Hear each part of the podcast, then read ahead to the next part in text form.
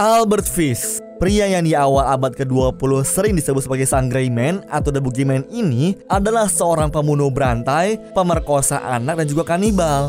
Waktu di zamannya, kasus kriminal yang dilakuin sempat menjadi legenda menyeramkan bagi anak-anak di Amerika Serikat. Tapi kenapa ya bisa ada orang seperti dia? Hai, calon sarjana di sini dan kita akan jelasin sosok Albert Fish, sang pembunuh berantai legendaris yang saking gilanya bisa menjadi cerita horor untuk anak-anak di Amerika Serikat. Oh iya, kita mau ngingetin nih, jangan lupa buat klik subscribe dan like juga ya. So, nggak usah pakai lama lagi, siapin diri kalian nikmatin videonya. Yang terhormat Tuan Bat, pada tanggal 3 Juli 1928, aku berkunjung ke rumahmu. Kami makan keju dan stroberi. Aku juga bertemu dengan anakmu Grace. Dia duduk di pangkuanku dan menciumku. Dari sini aku yakin kalau aku ingin memakan anakmu. Itulah guys, isi dari surat yang diterima oleh Tuan dan juga Nona Bat setelah mengetahui putri manisnya Grace telah meninggal dunia. Hal tersebut bisa terjadi akibat ulah dari Albert Fish, sang pembunuh berantai yang menyantap tubuh Grace. Tapi sebelum kita bahas hal-hal keji yang dia lakukan, kita beda dulu ya masa lalunya si Albert. Soalnya masa lalu seseorang bisa membentuk diri mereka.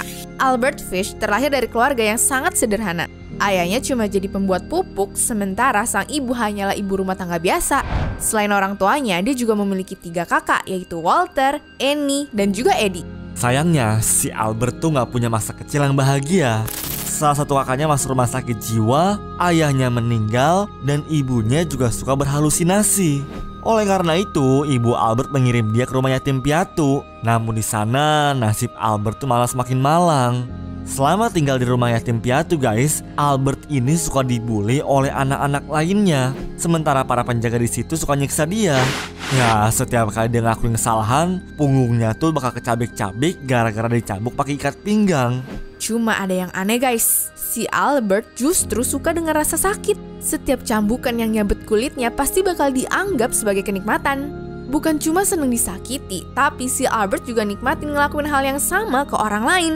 Kemudian waktu dia udah umur 12 tahun guys, ibunya mutusin tuh untuk ngulangin Albert.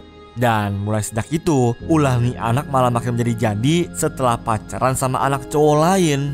Hubungannya pun bisa dibilang kagak manusiawi banget guys. Mereka minum air kencing, makan pup, dan suka nonton pria-pria ganti baju di pemandian umum. Makanya sisi gelap dia semakin tumbuh, terus menjadi lepas kendali, dan gak ada yang bisa menahan hawa nafsunya. Akibat masa lalu dan lingkungannya yang begitu, Albert Fish tumbuh menjadi pria yang sadis guys.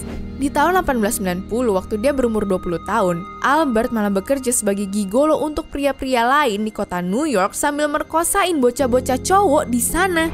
Ibunya pun mikir kalau dia tuh sebenarnya pria yang baik. Sampai-sampai di tahun 1898, ibunya ngejodohin dia dengan seorang wanita bernama Anna Mary Hoffman. Lewat pernikahan itu, pasangan tersebut dikaruniai enam anak dan hidupnya terlihat normal. Kalau dilihat dari luar ya guys.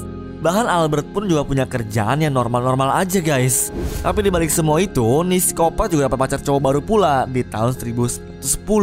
Namanya tuh Thomas Kaden guys. Si Albert ini suka banget tuh nyiksa badan Thomas dan begitu juga sebaliknya. Hal yang paling sadis sih pas Albert ngikat Thomas di dalam lumbung padi kosong dan ngegunting pisang pacarnya guys. Iya, pisang pacarnya. Aduh, gue tahu ceritanya aja langsung berasa ngilu abis. Tapi lu pada kepikiran gak tuh alasannya kenapa? Ya, kalau dari komentarnya si Albert, dia pengen tahu tuh guys reaksi sakitnya Thomas kayak gimana. Albert pun juga bilang gini, aku melihat dia teriak kesakitan dan tidak akan melupakan tampangnya. Pas udah selesai, Albert cuma ngasih body lotion, alkohol, uang 10 dolar, dan kecupan selamat tinggal ke pacarnya yang sudah setengah mati ini. Lewat komentar Albert, dia bilang, aku nggak tahu lagi nasibnya gimana, dan aku juga tidak mencarinya. Huh, gila, udah nggak ada rasa peduli dan juga kasihan berarti ini orang. Serem gak sih? Ulah si Albert nggak stop di situ aja guys. Setelah sang istri pergi buat selingkuh sama pria lain, akhirnya Albert bebas buat ngelakuin hal-hal gila semaunya. Pas lagi pengen, dia bakal nyiksa dirinya pakai papan kayu ataupun paku. Kalau dari catatan rumah sakit sih, ada 29 paku yang nancep di dalam dia. Kalau menurut kalian hal itu udah gila, tunggu sampai gue jelasin yang satu ini. Ternyata nih ya, anak-anak si Albert juga diajak buat nyiksa dia loh. Dari yang diceritain, kayaknya udah gak mungkin lagi ya kalau dia ngelakuin hal yang lebih parah guys. Namun justru semakin tua, Albert tuh malah tambah hancur sifatnya dan sudah masuk ranah pembunuhan. Anak-anak yang dia maksa untuk diperkosa, ujungnya tuh bakal dibunuh guys. Tapi hokinya tuh si Albert gak ketangkep-tangkep Gara-gara korbannya tuh adalah bocah kulit hitam Dan juga anak dengan keterbelakangan mental yang gak dipedulin sama masyarakat Tapi dari semua korbannya, kasus dia yang paling terkenal adalah pembunuhan Grace Beth, seorang anak cewek berumur 10 tahun. Ceritanya waktu itu, Albert melihat adanya iklan lowongan di mana ada pria muda bernama Edward Beth yang sedang mencari pekerjaan. Cowok, 18 tahun, masih muda, dan siap banting tulang. Udah pas banget nih buat jadi targetnya si Albert. Akhirnya dia mutusin deh tuh buat ketemu sama si Edward di rumahnya. Setibanya di sana, Albert mengaku sebagai petani yang lagi nyari bawahan. Pria tua ini pun berbohong dan bilang kalau namanya adalah Frank Howard. Tapi pas lagi ngobrol, Albert sempat ngeliat adiknya Edward yaitu Grace.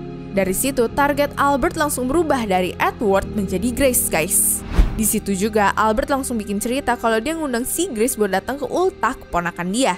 Dan tanpa disangka, ternyata keluarga Grace malah ngebolehin dong. Karena udah dibolehin, si pria gila itu langsung ajak Grace ke rumah kosong yang jauh di pinggir kota New York. Dan di situlah si pak tua gila itu ngelakuin hal-hal jahat ke Grace yang gak bersalah. Sambil telanjang dan dengan sekuat tenaga, Albert mencekik dia sampai nyawanya hilang di kamar tidur kosong. Katanya juga, di saat lagi melakukan hal tersebut, Albert mengalami ejakulasi karena terlalu excited. Tapi maksud dia tuh melakukan hal ini bukanlah untuk memperkosa Grace. Yang Albert ingin lakukan adalah menyantap tubuh dia. Bayangin aja guys, badan Grace tuh dipotong-potong dan juga disimpan buat jadi hidangan Albert selama 9 hari. Setelah itu semua terjadi, akhirnya Albert mengirim surat berisi pengakuannya tentang apa yang terjadi kepada si Grace. Polisi pun menemukan dia menginap di apartemen pinggir kota. Dan saat diinterogasi, polisi nggak perlu lama buat dapetin informasi yang mereka cari guys. Albert dengan tenang cerita dan ngaku segala hal yang dia lakuin. 11 Maret 1935 menjadi tanggal di saat Albert diadili. Waktu itu, para psikiater tuh langsung mencoba mendiagnosa penyakit mental yang Albert alami.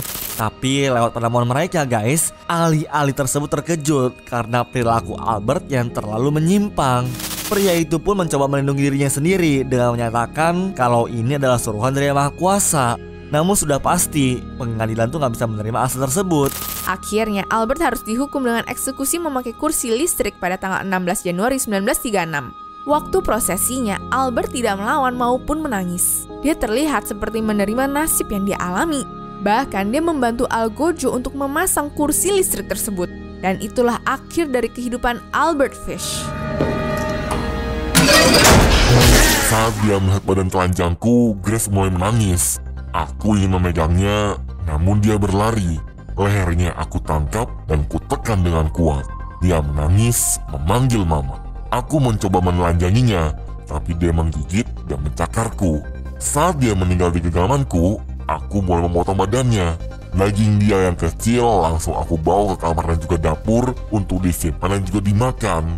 Oh, bagian belakangnya terlihat empuk saat dipanggang. Makananku baru habis setelah 9 hari.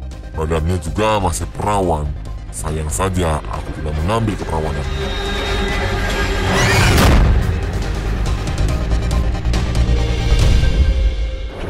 Anyways, cukup sampai di sini guys video hari ini.